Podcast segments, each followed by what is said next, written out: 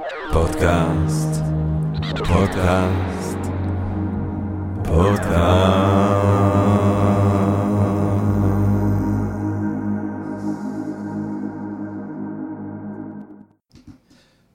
גבירותיי ורבותיי, ברוכות וברוכים הבאים לפודקאסט של Think and Drink Different פודקאסט למי שואל לחשוב ולשתות, אני ג'רמי פוגל, ואנחנו רוצים להתחיל עם רגע של הודיה.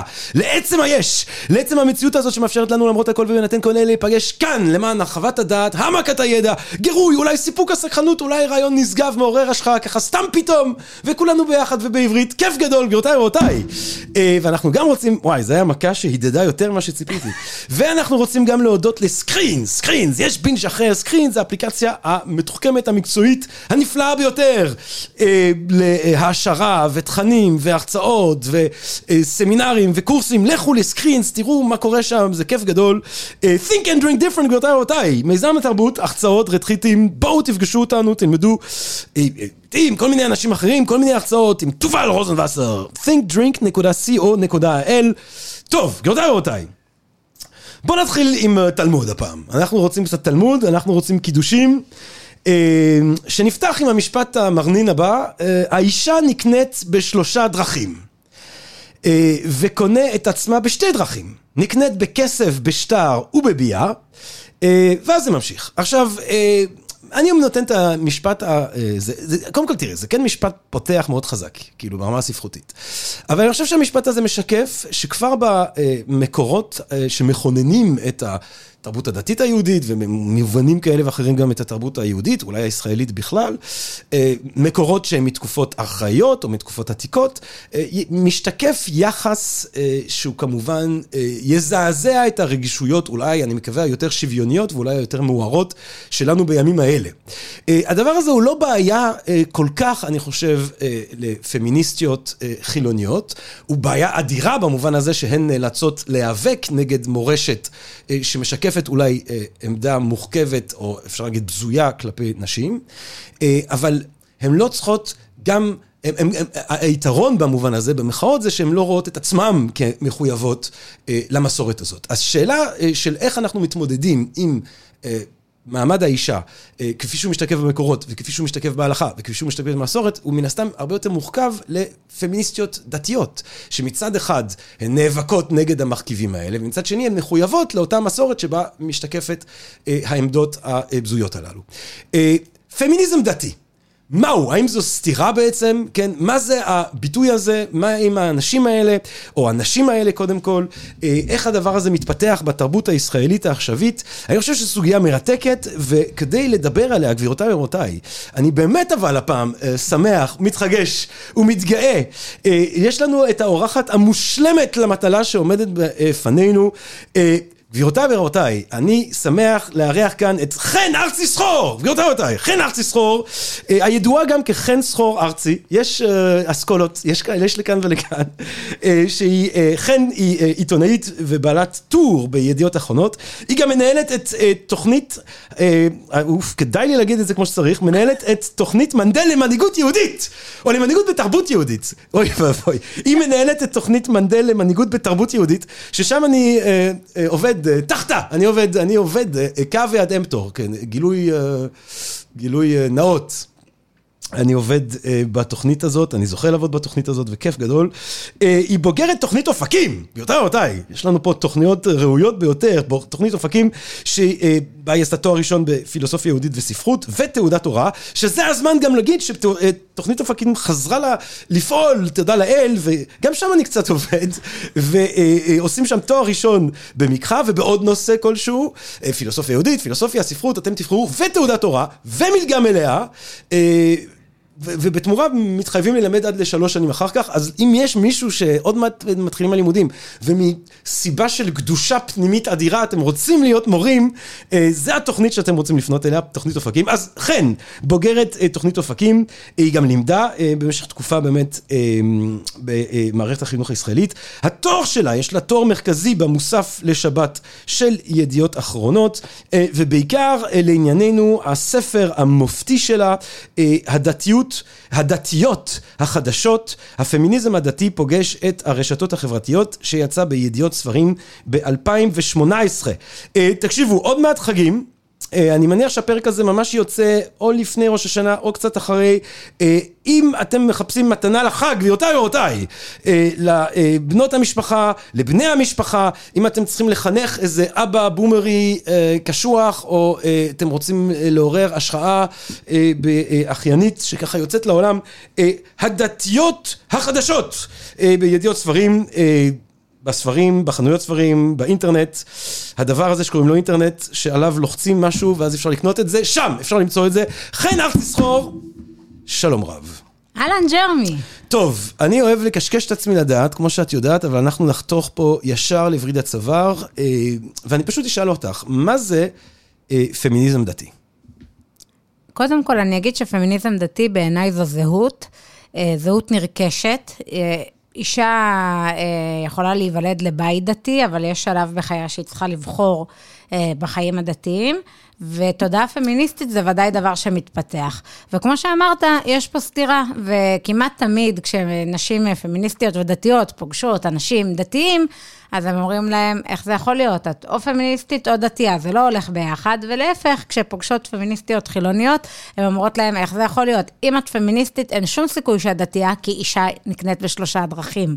אז uh, את חפץ? אז איך זה עובד ביחד?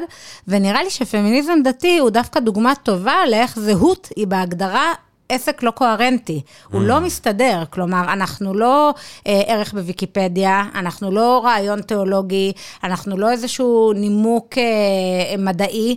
אה, זהות של בני אדם בהגדרה מכילה כל מיני סתירות, ופמיניזם דתי זה בהגדרה לחיות בסתירה. כל הזמן לחיות באיזשהו מתח.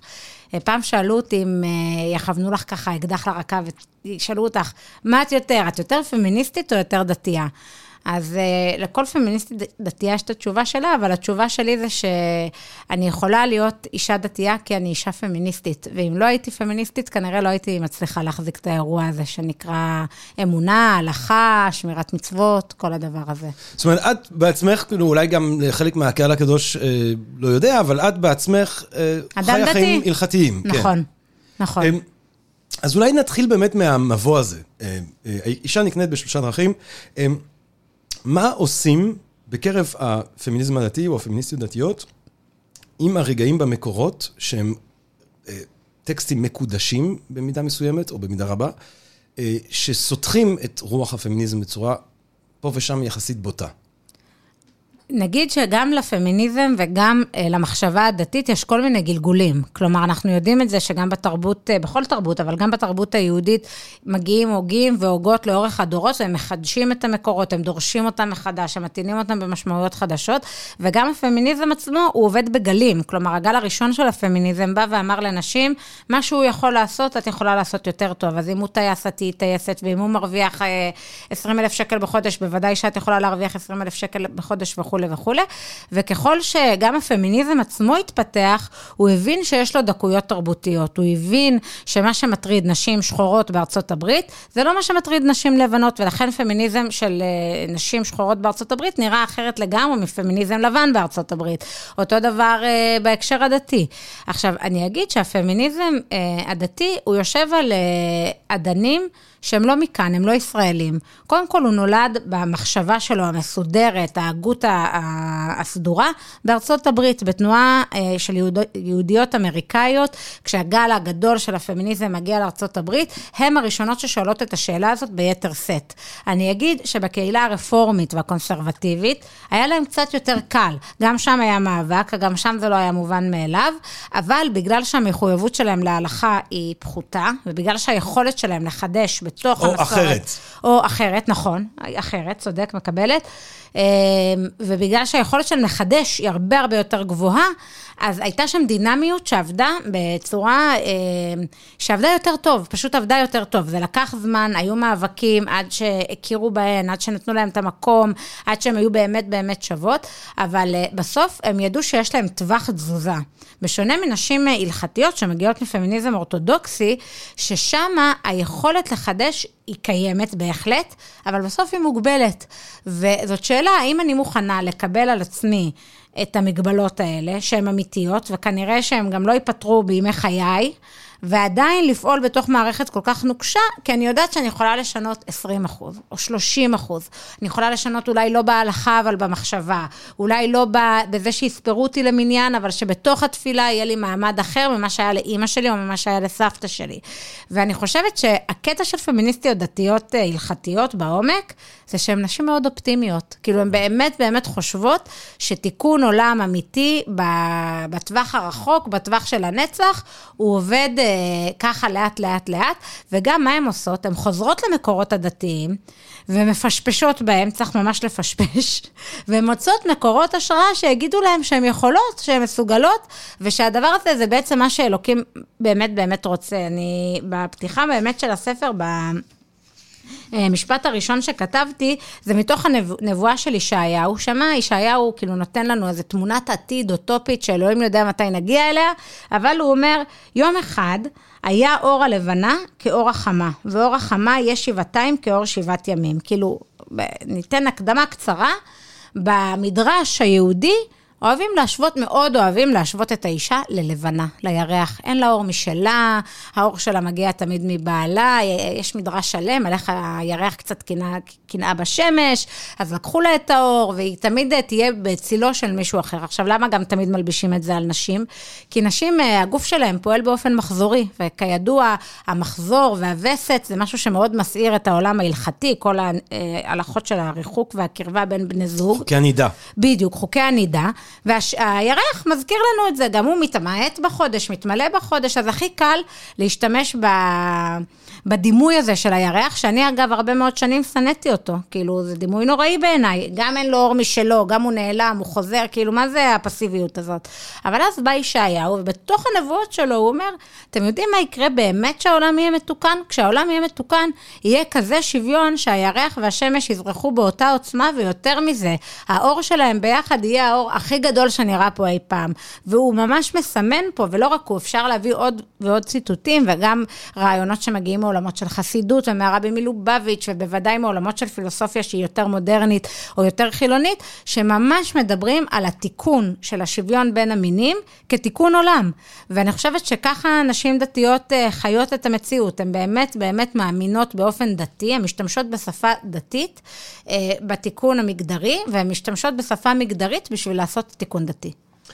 אני, אני רוצה להסכים, כי התחלתי אולי בצורה קצת פרובוקטיבית עם המשפט הבאמת המורכב הזה מה, אה, מהתלמוד, אבל אה, כמו שאת אומרת, התרבות היהודית לדורותיה היא תרבות פחשנית, וכבר חז"ל עצמם מחליטים שעין תחת עין זה לא נראה להם הגיוני שאנשים יוציא אחד לשני עיניים, אז עין זה בעצם כסף. זאת אומרת, חז"ל בעצמם רואים את עצמם כרשאים לפרש, וזה תלמוד אה, אה, שהוא כולו פרשני, ותרבות שהיא כולה פרשנית, ועל כן באמת המעשה של הפמיניזם הדתי במובן הזה של לפרש מחדש את המקורות, אה, הוא מעשה שהוא... אה, אותנטי ביהדות שלו, כי היא משקפת מה שיהודים, לרוב זכרים אמנם, עשו אה, במשך מאות שנים. אבל בכל זאת, אה, דת זה טקסטים ודת זה מוסדות, וגם הטקסטים משקפים סדר עולם עתיק ברובם, אפשר למצוא רגעים פמיניסטיים גם במקרא וגם זה, וגם המוסדות הדתיים, כאילו הרבנות. אה, האופן שבה באמת התפילה מאורגנת. זה מאבק שהוא מאוד מאוד קשה. זה מאבק שכאילו דורש, כאילו אמרת חילונית, באיזושהי צורה זה כאילו, האם זה אפילו לא דורש מידה מסוימת של כפירה? קודם כל, אני אגיד ש... אני חושבת שלפמיניסטיות דתיות יש רגעים של כפירה. ובאופן כללי אני חושבת שאנשים מאמינים, אם אין להם רגע של כפירה זה קצת מוזר. כאילו, זה, זה מזמן את זה, אתה אתה חושב על הדברים לעומק, אתה אומר, רגע, איך אני עובד בתוך סט הכללים הזה? לא משנה אם זה מבחינה מגדרית או מבחינות אחרות שהן מאוד מאוד מורכבות, לקבל על עצמך סט חוקים כל כך אה, נוקשה, וגם שהוא ממש על כל פרט בחיים, איך אתה שורך את הנעליים שלך, ואיך אתה הולך ברחוב, ולא יודעת מה, כאילו כל פרט ופרט.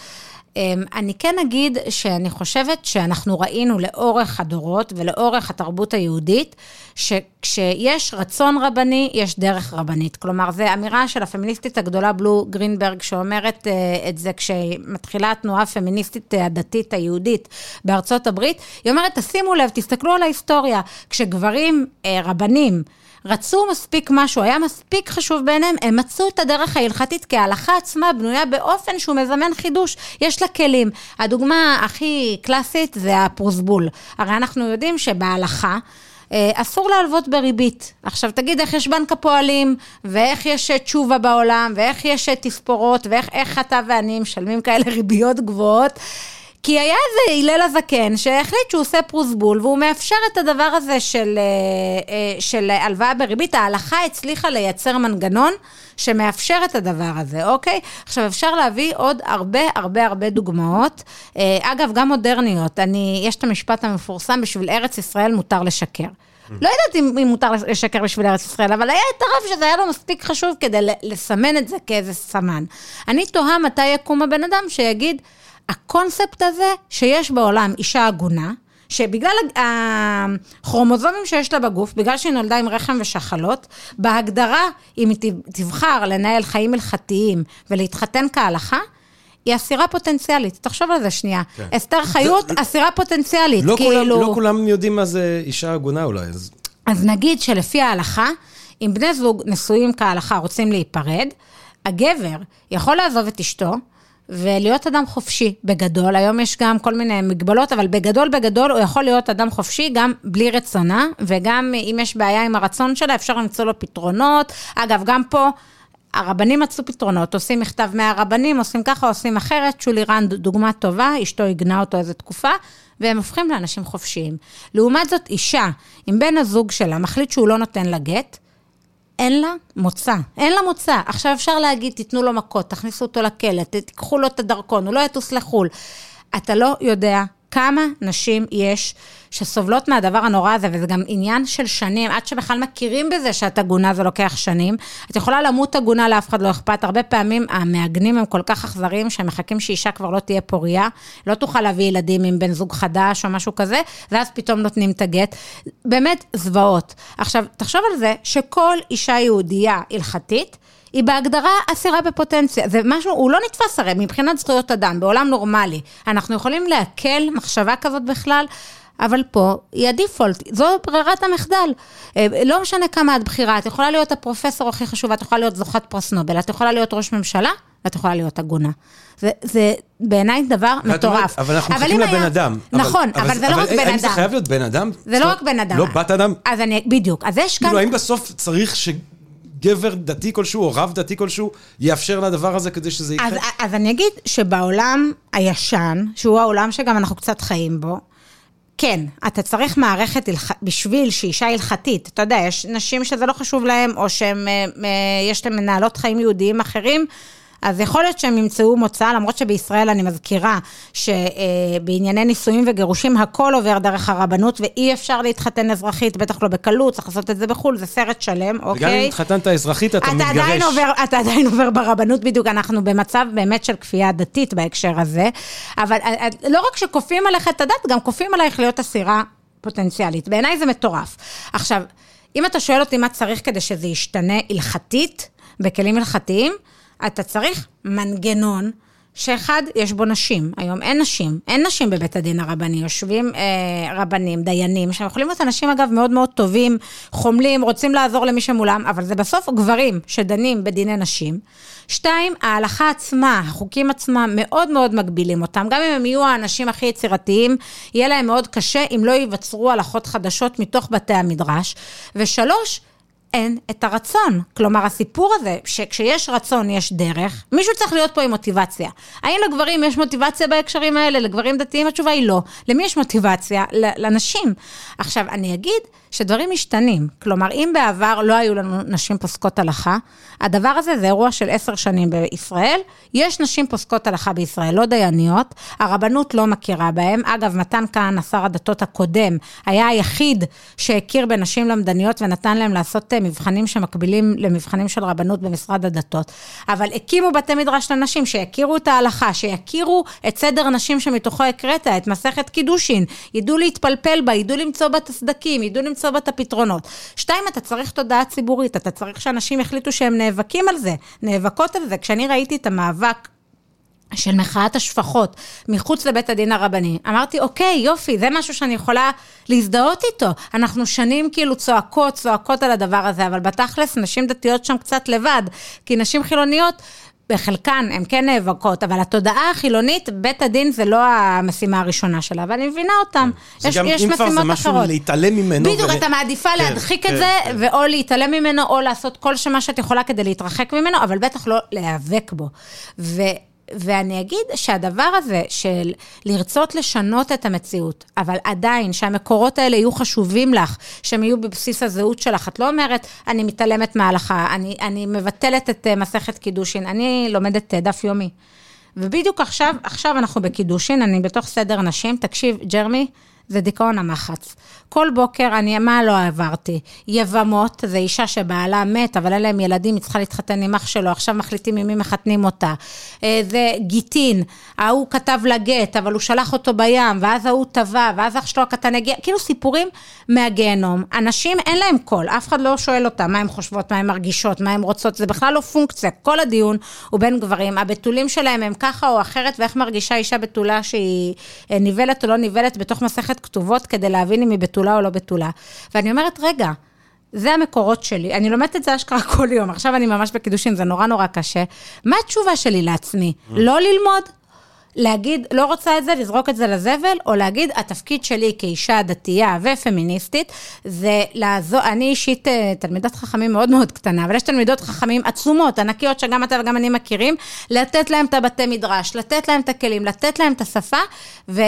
עם כלי האדון, לפרק את אה, בית האדון, בניגוד למה שאומרת האמירה המפורסמת שכלי האדון לא יפרקו את בית האדון. אז אני חושבת שנשים פמיניסטיות ודתיות, יש בהן את האמונה שאפשר לשנות באופן אפילו רדיקלי את המציאות בתוך המערכת, גם אם אתה יודע שזה מרחק של אבל, שנים. אבל, אבל האם, האם זה מחייב עמדה שאומרת, הטקסטים האלה הם... אה, אה, קדושים? קדושים, או הם מכוננים את זהותי באיזושהי צורה, אבל אני לא מחויבת להם. בנקודות מסוימות. בנקודות מסוימות אני אומר, אני לא מחויב לזה. אני אגיד לך משהו, אם אתה שואל אותי, שוב, כנראה אה, כל פמיניסטית אה, דתייה תיתן תשובה אחרת. התשובה שלי זה שאני כן מחויבת להם. אני התחתנתי כהלכה. זה אומר שאם יום אחד אה, אוהד יחליט להיעלם, אז אני אה, אהיה אה, עגונה בפוטנציה. אוהד המאזין שלנו. כן, אנחנו ממש מבקשים ממך. אוהבים אוהד. אוהד, אני- תקשיב. אל תלך, אל תלך, בבקשה, בלי אוהד, נעשה להתריע. לך שיימינג, אני אעשה לך שיימינג פה כל פרק. בדיוק, כאילו, אתה יודע, גם תמיד כל אחת אומרת, לי זה לא יקרה, כי אנחנו הרי מתחתנות עם אנשים שאנחנו מאוד אוהבים, ואנחנו לא, לא אבל חושבים... אוהד, באמת, לכל מי שקצת, אני לא מכיר אותו טוב, אבל אפילו מה... הוא נשמה טהורה, הוא אין, לא אין, מאלה, אין, הוא לא לא, מאלה. ממש לא. ממש. אבל מה אני כן אעשה? אני כן אעודד נישואים הלכתיים מחוץ לרבנות. כי אני חושבת שהרבנות זה הגוף הכי אה, פוליטי, בעיניי מסואב, הכי מיושן. אני אעודד נשים הלכתיות אה, לפעול אה, באופן הלכתי. אני אעודד נשים וגם בעצמי יחתום על הסכמים שיכולים אה, לבטל הגינות, או לגרום לזה להיות אירוע שמאוד מאוד קשה להגיע אליו. אה, הבעיה שלי זה שמדינת ישראל, שאנחנו כולנו אזרחים שלה, בכלל לא נותנת לנו את האפשרות הזאת. כלומר, היא כופה גם על אנשים אחרים. אם אני כאישה דתייה זה קשה לי, תחשוב מה זה בן אדם שהסט חוקים הזה בכלל לא מעניין אותו. כאילו, מה זה בשבילו להיכנס לא, לתוך. המערכת. כן. אמ, הרשתות החברתיות, אני פה בתת כותרת של הספר. אה, את, את אומרת בעצם, באיזה שנים מתחיל, אפשר להתחיל לראות באמת את הגרעינים הרעיונים שם באמריקה של אה, פמיניזם יהודי? כשאמרת תחילת הדרך. אז אני אגיד שבשנות ה-80... שנות ה-80? הפמיניזם הדתי היהודי, כאילו האורתודוקסי היהודי מתחיל אה, ככה לצמוח, והארגון הגדול בארצות הברית זה ג'ופה. וקולך קמים אה, בשנות ה-90, שזה הארגון הפמיניסטי הדתי פה בישראל. אגב, המאבקים הראשונים של ארגון קולך זה אה, בפגיעות מיניות. זה כאילו בדברים הכי, הכי basic, שהיום זה מאוד מאוד ברור לנו, שגם בחברה החרדית נאבקים בהם וכולי וכולי, הם היו בשוחות של להיאבק ברבנים מטרידים, באמת. ושילמו על זה מחירים מטורפים בתוך הקהילות שלהם, מחירים מאוד מאוד מאוד כבדים. אה, אבל אני אגיד שעד אה, אמצע שנות, כאילו עד, עד השנים האחרונות, האירוע של פמיניזם דתי, הוא היה אירוע קצת אליטיסטי. כלומר, הוא אפיין נשים אקדמאיות, ברובן המוחלט נשים אה, אשכנזיות, שלא לומר אנגלוסקסיות, כי הם הכירו בעצם את התרבות הזאת מהבית. הוא התרכז בכמה רחובות בדרום ירושלים, ברעננה. אלה היו נשים חלוצות, אני אישית כאילו גם שואבת מהן השראה וגם חבה להן המון, כי הם אלה ששכבו בשוחות כשאף אחד לא הבין על מה הן מדברות, כשהם נאבקו על נשים בבית כנסת שיוכלו לראות ולשמוע ולהשתתף וכולי, אף אחד לא הבין, הם חשבו שהן אה, חייזריות, כן? עם המבטא האמריקאי ועם כאילו, רעיונות האלה שהם הביאו מחוץ לארץ, אבל זה היה אירוע קצת נישתי. מתי הוא מתפוצץ? מתי קורה המפץ הגדול של הפמיניזם הדתי? בפייסבוק. מה את אומרת? הפייסבוק פשוט משנה את האירוע. ולמה? כי בשנת 2012, כשקמה הקבוצה הראשונה, אני לא פמיניסטית... קשור, אז אה, שמת לב ש- שאתם בתקשורת, כל הזמן אומרים עכשיו אירוע? כאילו, נכון, עניין הכל זה אירוע. הכל זה אירוע. הכל זה אירוע. אני אגיד לך זה גם... לא מעניין. זו הבחנה מאוד מאוד מדויקת. אני חושבת שגם בישראל תמיד יש אירוע, נכון? אין כן. מצב שאין אירוע, תמיד אבל יש גם אירוע. תהליכים ארוכים הם אירוע, אירוע. גם הכל נהיה, זה מעניין, אני מנסה לתת לזה פרשנות, לא הגעתי למשהו מעניין עדיין, אבל למה הכל נהיה אז אירוע? אולי נגיד רגע משהו על תהליכים ארוכים, שמה שקורה ברשתות החברתיות, זה התחיל בעולמות הבלוגים וה, כן. אה, והפורומים של תפוז וכאלה, שאנשים עם, עם תחביבים דומים הופכים לקבוצה. אבל בפייסבוק, אתה לא צריך להתאמץ, אתה לא צריך לחפש, נכון? אם מישהו כתב בקבוצת מאכילי חתולים, זה יקפוץ לחבר שלו שאין לו בכלל חתול, זה מה יקפוץ גם לו בפיד. שחלק מהדיכוי, במקרים הקיצוניים, אני לא מדבר על...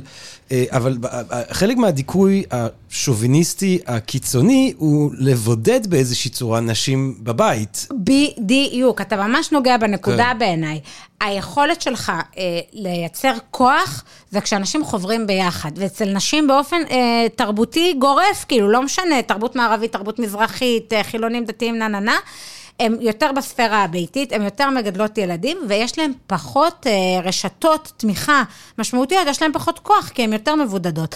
ואז מה שקורה, זה שמתחילות תנועות פמיניסטיות מאוד מאוד חזקות בפייסבוק, הן קופצות לנשים דתיות כמוני בפיד, ואז כשהנשים הדתיות מנסות להשתלב בשיחה בתוך הקבוצות האלה, הן מרגישות לא מובנות. הן מביאות דברים מהעולם שלהן, ודבורה ארושס, שהקימה את הקבוצה הפמיניסטית הדתייה הראשונה, אה, מספרת את זה, שהיא היא תיארה להם איך אה, בתא הדואר שלה היה תמונות של אה, ילדות מחופשות שמחקו להם את הפנים. כאילו פרסומת לפורים, והילדה, מלכת אסתר, אין לה פרצוף. והיא התחרפנה מזה וכתבה על זה, ואז מה קרה?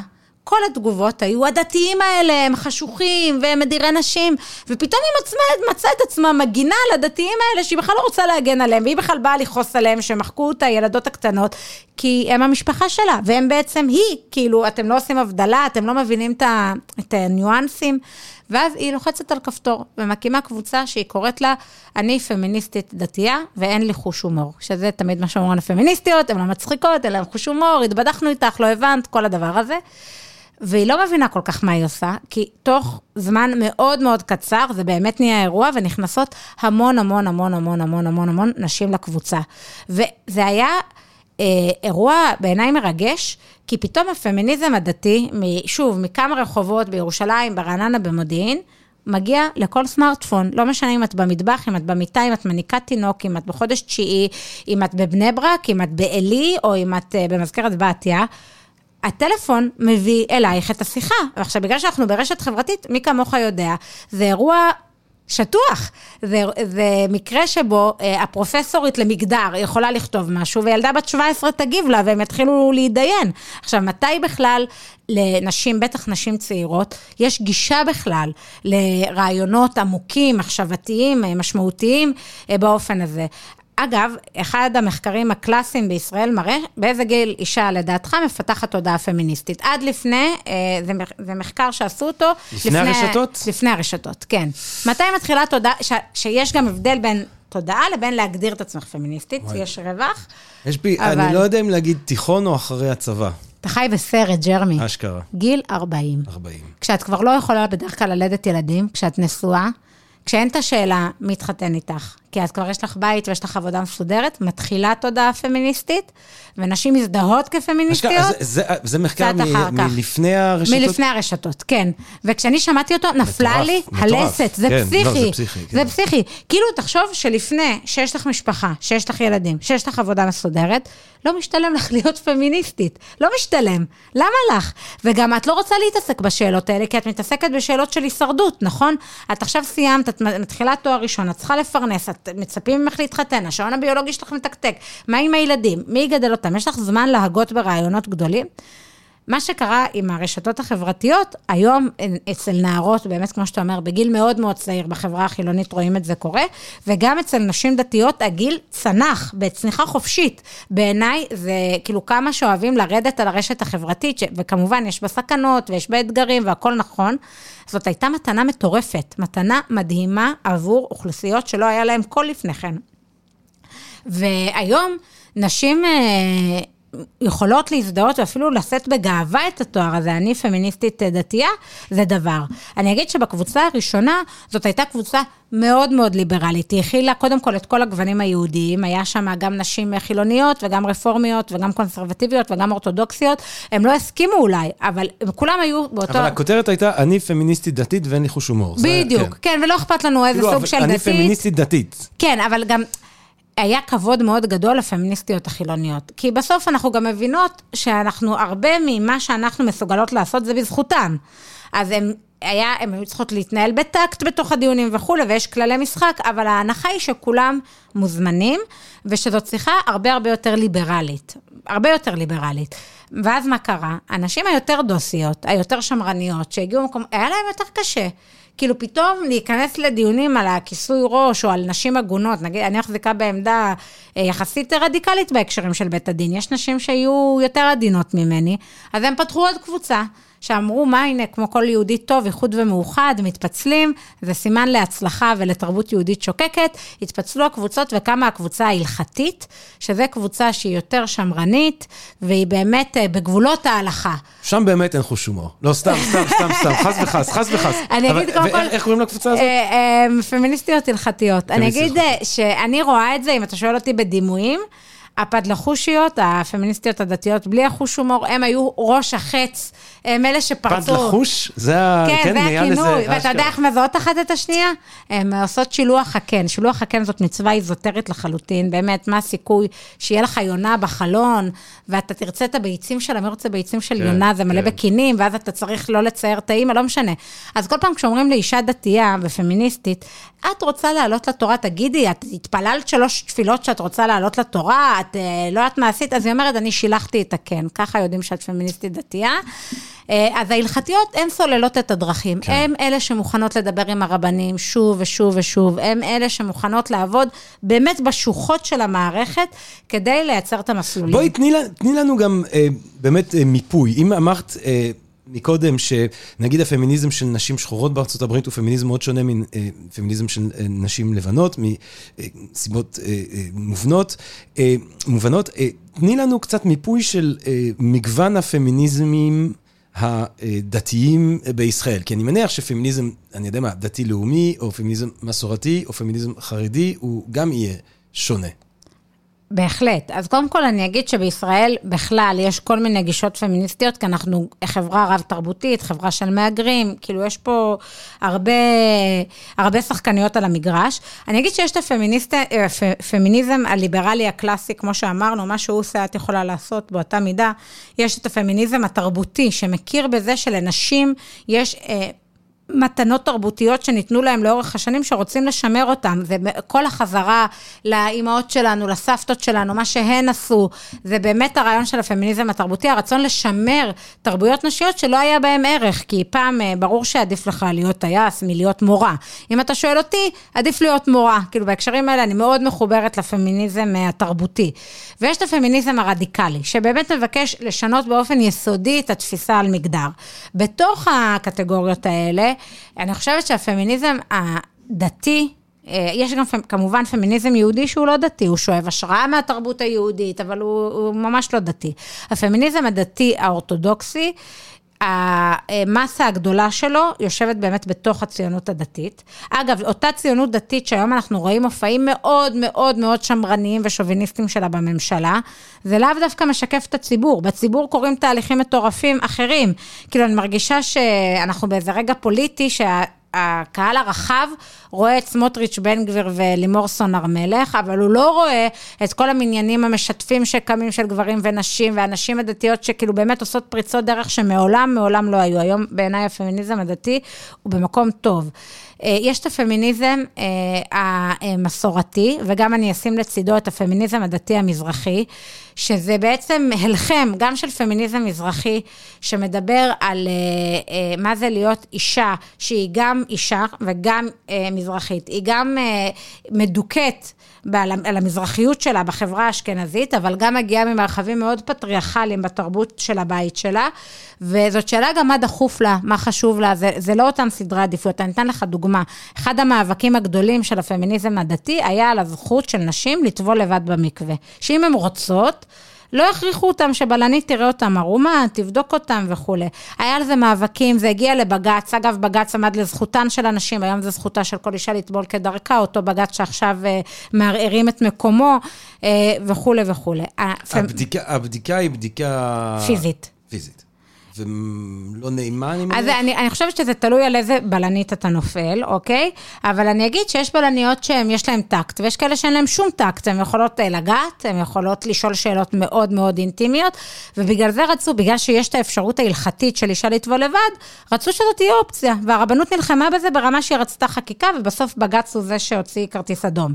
אבל הפמיניסטיות המזרחיות, הם לא הבינו את המאבק הזה בכלל. כי מבחינתם המקווה זה לא אירוע של בושה, שאישה מסתירה מהילדים שלה ומהחברות שלה והיא מתביישת. זה אירוע משפחתי, כשכלה הולכת למקווה, כל המשפחה באה איתה. וגם, יותר מזה, אם אתה שואל אותי, רוב הבלניות שעובדות בשכר מינימום, בתנאים מאוד מאוד קשים, שכל הזמן מלינים להם את השכר, מאיזה מעמד חברתי הן מגיעות? רובן ככולן הן נשים מזרחיות. אז אתה מבין שהפמיניסטית המזרחית, היא לא עכשיו תיאבק בדודה שלה, או באימא שלה, שהיא הבלנית במקווה, נכון? ותגיד לה, את לא תיכנסי, את כן תיכנסי. אז כשהתחיל המאבק הפמיניסטי הדתי סביב המקווה, אני אהבתי שהשיחה הכילה גם וגם. מצד אחד, להיאבק על השכר של הבלניות, להיאבק על זה שלא ילינו להם את השכר והם יקבלו אותו בזמן. זה היה מאבק נוראי מול אה, משרד הדתות. כן לדבר על המסורות השבטיות של האימהות שמגיעות עם הבנות למקווה ועושות הילולה ועושות שמחה וכולי וכולי, וביד השנייה, להיאבק במסורת הבאמת יותר ציונית דתית אשכנזית, שאומרת שמי שרוצה, שתוכל לטבול לבד, שזאת תהיה אפשרות, שתהיה בחירה.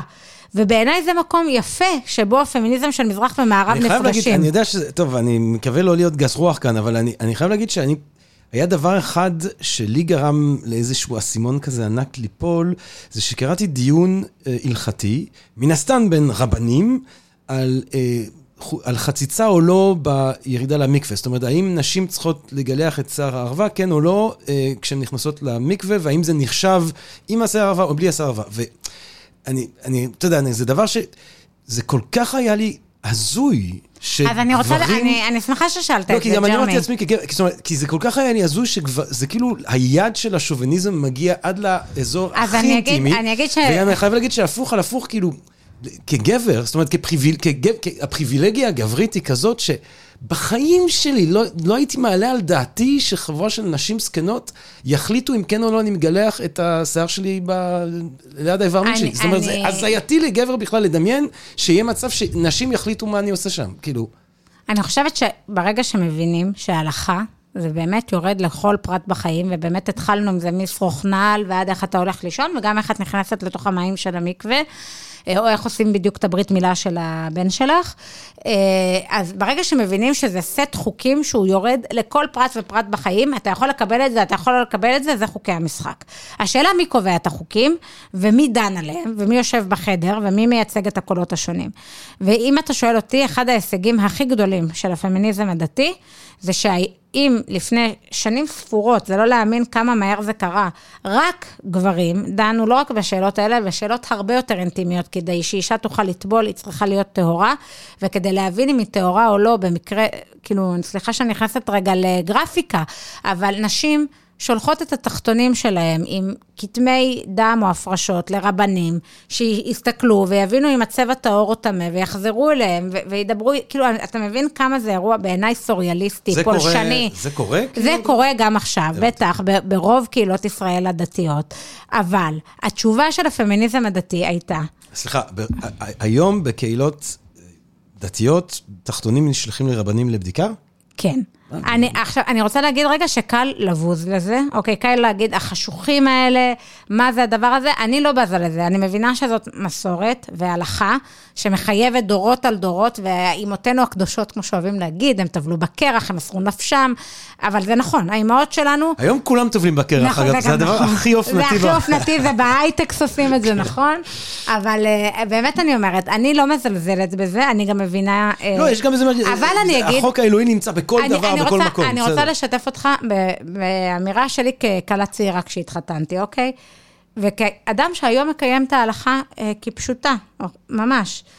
אה, כשאני הייתי כלה צעירה, נדרשנו לדבר הזה. הוא קרה בדיוק פעם אחת בחיינו, כי כאילו, את ואני הסתכלנו אחד על השני ואמרנו, היו לא תהיה. כאילו, קרה פה משהו הזייתי, לא יכול להיות שזה הפתרון. אין, אין, אין תרחיש, אין תרחיש. עכשיו, מה אנחנו עושים? ואז מגיע, זה היה לפני שהייתה לי תודעה פמיניסטית מפותחת, אבל אז גיליתי שיש נשים, אז הם למדו יותר אה, בהיחווה ומתחת לרדאר, היום זה כבר על השולחן, שלומדות את הנושא של טהרה לעומק, ושהן אה, הן לא מרשות לקרוא להן רבניות, מורות הלכה, רבניות, לא כי הן אשתו של הרב, אלא כי יש להן ידע הלכתי כמו רב, לכל דבר ועניין, שהן פוסקות הלכה. ואני הרבה מאוד פעמים מצאתי את עצמי מתקשרת לאישה, להתייעץ איתה, האם אני שולחת לה דברים, מה גיליתי? שכשנשים מדברות עם נשים, הן לא, לרוב הן לא צריכות לראות שום דבר, מספיקה שיחת טלפון, תקבלי תשובה הלכתית מעולה. ואתה יודע מה מרגש אותי? שוב, אני אה, אישה ליברלית מאוד, ואני עושה את זה כבר הרבה שנים. אבל זה שהיום בחוגים הכי שמרניים, כולל בחוגים חרד"ליים, שהמילה פמיניזם עושה להם פריחה, ושהם נאבקים בתנועות פמיניסטיות, והם נאבקים בנשים כמוני, זה ששמה יש מורות הלכה, שאישה חרד"לית שגרה בהר ברכה, או בלא יודעת איפה, יש לה טלפון להתקשר לאישה לשאול אותה, והיא כבר לא צריכה לשלוח תחתונים לרב, אני רואה בזה הישג פמיניסטי. גם אם הם, תגיד להם את המילה פמיניזם, הם יתעלפו. אז אם מדברים באמת על מחוזות שבהם אולי מתעלפים אל מול המילה אה, פמיניזם, אה, דיברת על ההבדלים בין אה, פמיניזם מסורתי ופמיניזם דתי-מזרחי, אה, פמיניזם דתי-לאומי. מה עם בעולם החרדי? העולם החרדי. אז קודם כל אני אגיד שאני חושבת שהתנועה הכי מרגשת בישראל היא התנועה של הפמיניסטיות החרדיות. הם, הם אה, ממש, תמיד אומרים על נשים שהן רוצות לנפץ את אה, תקרת הזכוכית. אז הפמיניסטיות החרדיות הן עמוק עמוק ברצפת הבטון, נאבקות כאילו בשוחות, ממש ממש, על הדברים הכי בסיסיים. על היכולת שלהן... לרוץ לבחירות למשל. אני מזכירה שיש פה שתי מפלגות שמייצגות את כל הציבור החרדי, הספרדי והאשכנזי, יהדות התורה וש"ס, שנשים בוחרות אליהם, אבל לא יכולות להיבחר אליהם.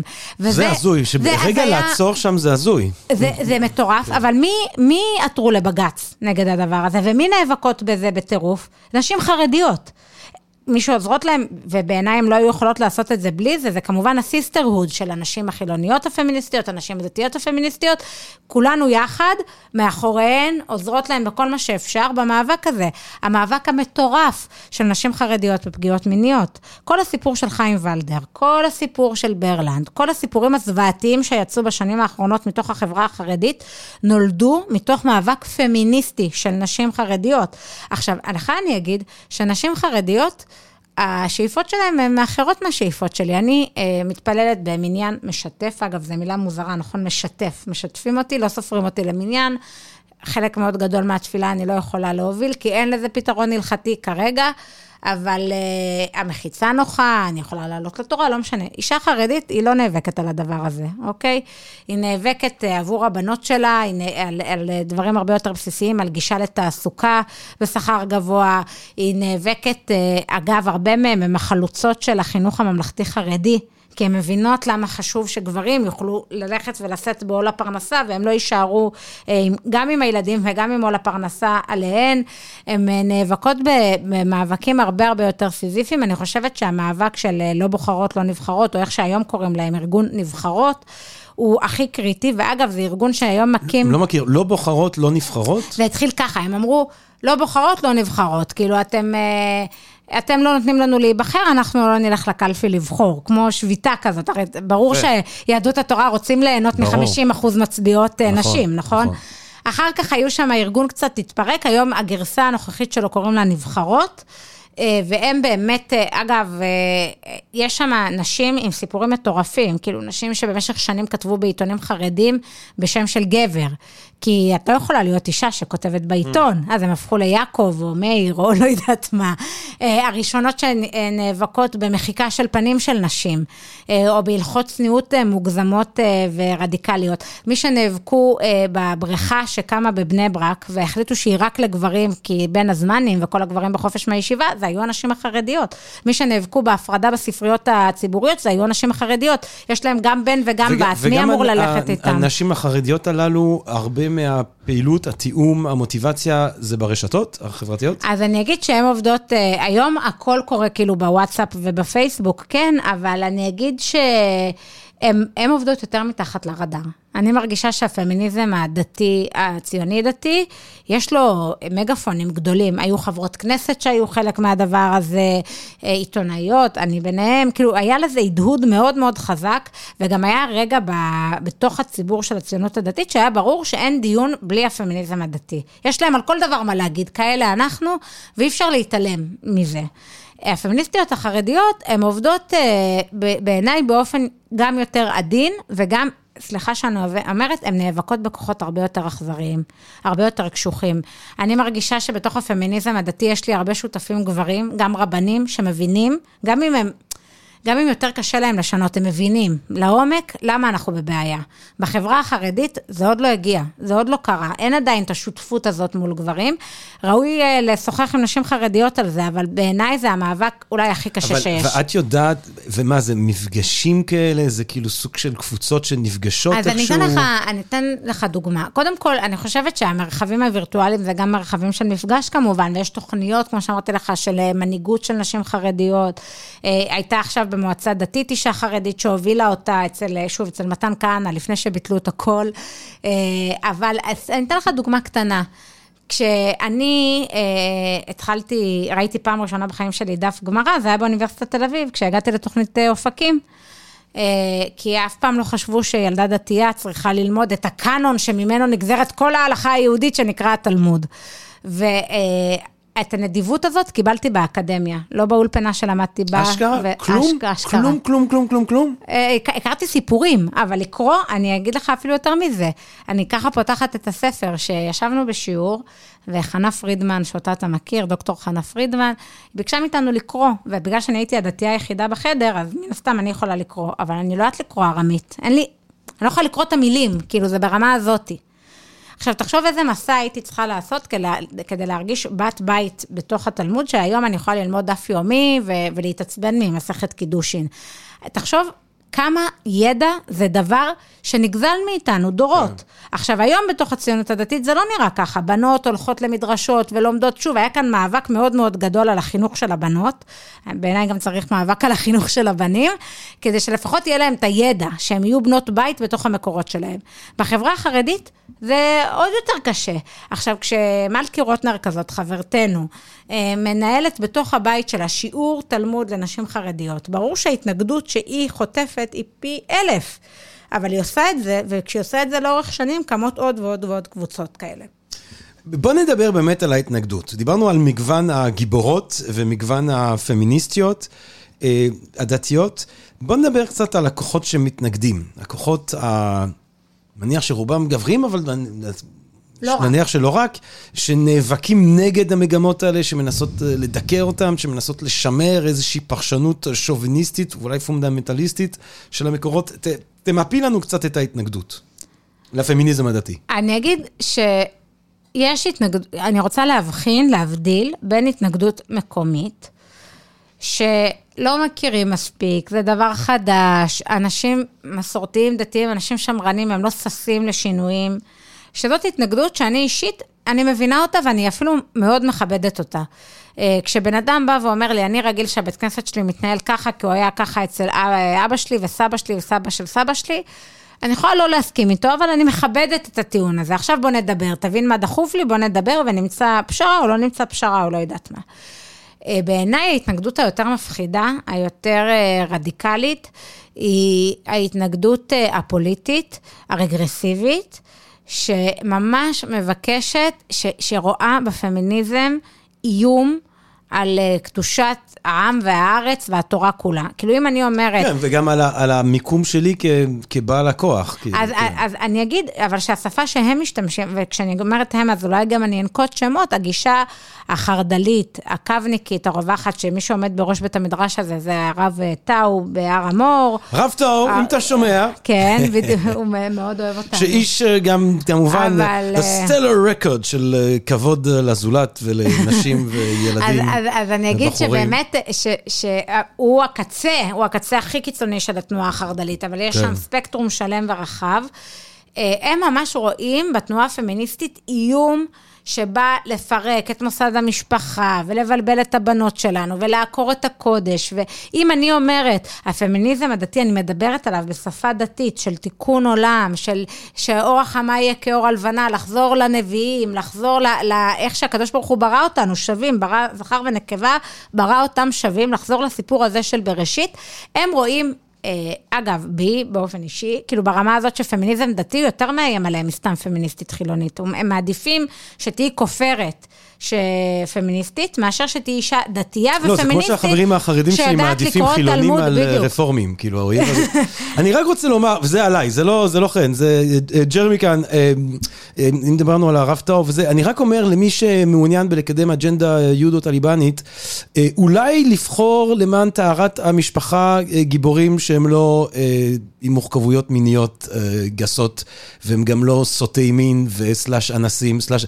אה, טיפ, זה טיפ של ג'רמי. באופן רחב, אם אתה הולך להיאבק בפמיניזם, תנסה לכל הפחות שהזקן עם הזקן אה, שאתה מקדם לא יהיה אחד שאונס. זה הצעה, הצעה שלי, אבל זה בסוגריים. נגיד בסוגריים. שהחקירת משטרה מתנהלת. בטח, בטח, שתתנהל. וגם, אה, כן, שתתנהל יפה. מתנהלת, אבל אני גם ככה, אני הרב טאו שלי זה הטאו טה צ'ינג.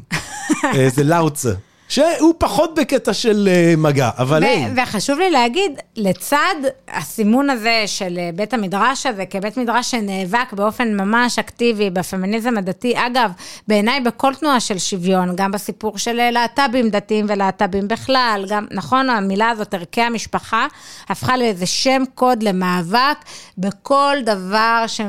שמקדם... שאגב, זה דבר עולמי. זאת אומרת, אתה, אתה רואה שגם באירופה, כולם... באיטליה, נכון. אגב, אם אתה שואל אה, אותי, אין מדינה בעולם שיש לה ערכי משפחה חזקים כמו בישראל, זאת המדינה עם הכי הרבה ילדים במערב, ולמה זה קורה? באמת למה זה קורה? לא רק כי אני אה, רוצה ללדת הרבה ילדים, או אני מגיעה ממשפחה עם הרבה ילדים, כי הלהט"בים הדתיים, בשונה מכל החברים שלהם במדינות אחרות, הם רק רוצים להתחתן ולעשות ילדים. וגם אם, אתה, אם את לבד ואם את רווקה, את תביאי ילד לבד. הדבר הזה בעיניי זה ניצחון של ערכי המשפחה. וכל המאבק של אה, אבא ואימא שווה משפחה, ושאישה לבד לא יכולה להביא ילדים, או לא יודעת מה, בעיניי הוא פוגע בערכי המשפחה, הוא לא מחזק אותם. אני רוצה להגיד ש... ש... מה זה ניצחון? זאת אומרת... אני לא בטוח שבהכרח מה שהאנושות אה, זקוקה לו, עכשיו זה ריבוי ילדים. מסיבי. בסדר, אבל אני פשוט- אני אני אומרת- שאנשים, כיף להם עם אני ילדים. פשוט אומרת שאם אתה, אם אתה, שם קוד, אם אתה כרב אומר, ערכי המשפחה חשובים לי, זה כן. קצת מצחיק שאתה נאבק בדיוק באלה שרוצים שתהיה להם משפחה, לא, גם ברור. אם היא קצת אחרת. ואחרי שאמרתי את הדברים שאמרתי, חשוב להגיד שיש גם הנהגה רבנית, גברית, מאוד קשובה. אני חושבת שרבנים גברים עשו דרך דרמטית בשנים האחרונות בלהבין את המורכבות. אני לצערי אגיד שכשיש לך ערכים מתנגשים, כשזה אה, פמיניזם אה, מול ארץ ישראל, כשזה פוליטיקה מול אה, ליברליות, כמעט תמיד אנחנו נפסיד. וזה עצוב לי, כי יש ציבור ענק. שהוא ליברלי, שהוא פמיניסטי ושהוא דתי, שאין לו היום שום ביטוי פוליטי בעצם, כי הפוליטיקאים שלנו הם הכי הכי רחוקים מזה. וגם אני רוצה להגיד שאחד הדברים שהכי כואבים ועצובים לי כאישה פמיניסטית ודתייה, זה לראות נשים כמו לימור סון הר מלך, שעומדת היום בראש אה, שדולה של נשים אה, חרדיות, אה, דתיות, חרדיות ודתיות. שמשתמשת בשפה פמיניסטית כדי לפגוע בנשים פמיניסטיות. אתה מבין? זה כאילו להשתמש בטרמינולוגיה הליברלית, הפמיניסטית שאנחנו פיתחנו שנים, כדי לפגוע בנו. אה, זה משהו שמאוד מאוד קשה לראות אותו. אני טועה, אתה יודע, אם אנחנו מדברים על, על, על אה, רו- דברים שקורים אה, במערב, אה, אתה רואה הרבה מאוד, אנגליה, צרפת, אה, אה, ארצות הברית, המעמד של הרבנית, לא, הרבנ, לא אשת הרב, הרבה, לא, זה גם עם מכונת השפה, אני לא יודע תמיד אם זה רבה או רבנית. הרפורמיות הן רבות, ואצל נשים אורתודוקסיות לקח הרבה זמן עד שהם הסכימו לקחת את הרבנית, כי היא תמיד נתפסה כאשת הרב, אבל עכשיו אבל אתה רואה הרבנית היא שבשיח הרבנית. הציבורי, הצרפתי, האנגלי, האמריקאי, אפילו גם בקולנוע הוליווד, סתם אני ראיתי איזה קומדיה רומנטית, וזה רבנית, וזה כאילו, זה... המנהיגה הדתית, היה פעם רב, זה רבנית. אני תוהה אם המהפך הזה, אם המאבק הזה, הכל כך ראוי, הכל כך אצילי, אה, יכול כאילו להגיע לאן שהוא צריך בלי שיהיה חיזוק, וקודם כל לגיטימציה מוחלטת של העמדה הזאת של הרבנית, ו- ושלא יהיה ברור מאליו שהרב הראשי הוא יהיה גבר, שיכול להיות רבנית ראשית.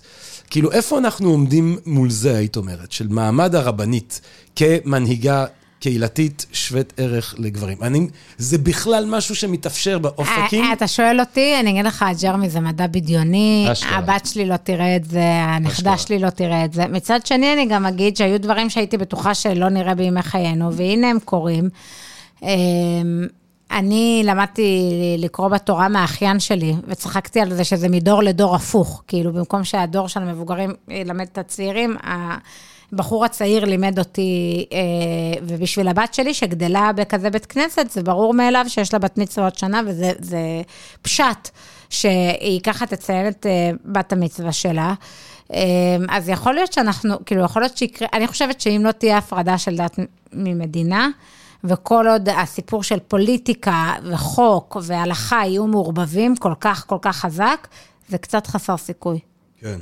מה במסע הזה שהוביל לספר, הדתיות החדשות, אה, הפמיניזם הדתי פוגש את הרשתות החברתיות, אני יודע שממש יצאת למסע וראיינת נש, נשים.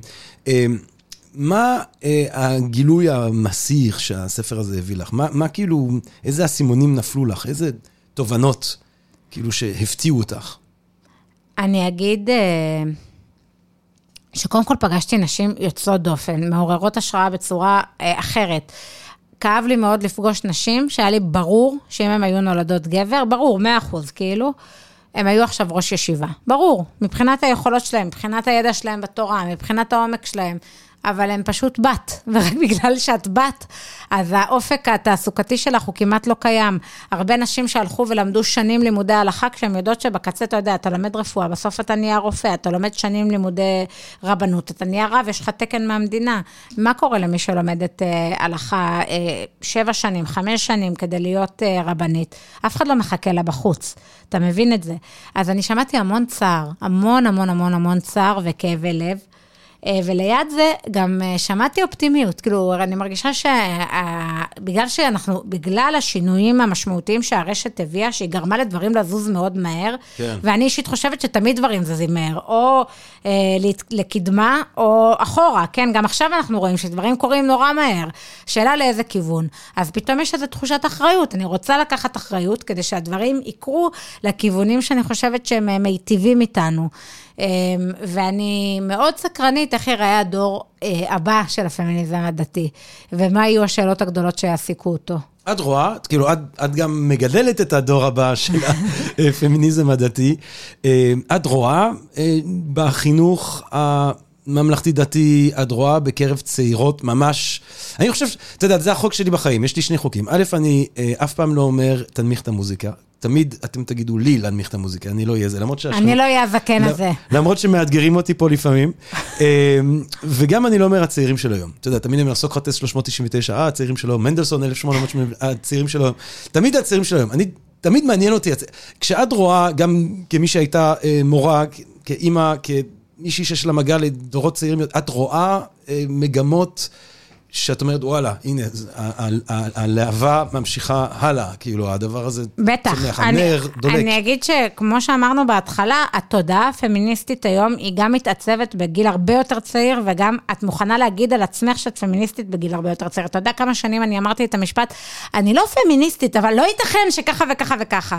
והדבר הזה של להיגמל מזה ולהיות מוכנה להיות מזוהה עם התנועה הזאת, שנתנה לנו מתנות כל כך גדולות, היא בגיל הרבה הרבה יותר צעיר. אני כן חושבת שיש לנו עבודה רצינית אה, בשביל לייצר שפה שהיא דתית ופמיניסטית, מה שנקרא בדיבור אחד, כדי שלבנות שלנו ולבנים שלנו, אגב, תהיה, יהיה איך לדבר אל עצמם ועל עצמם.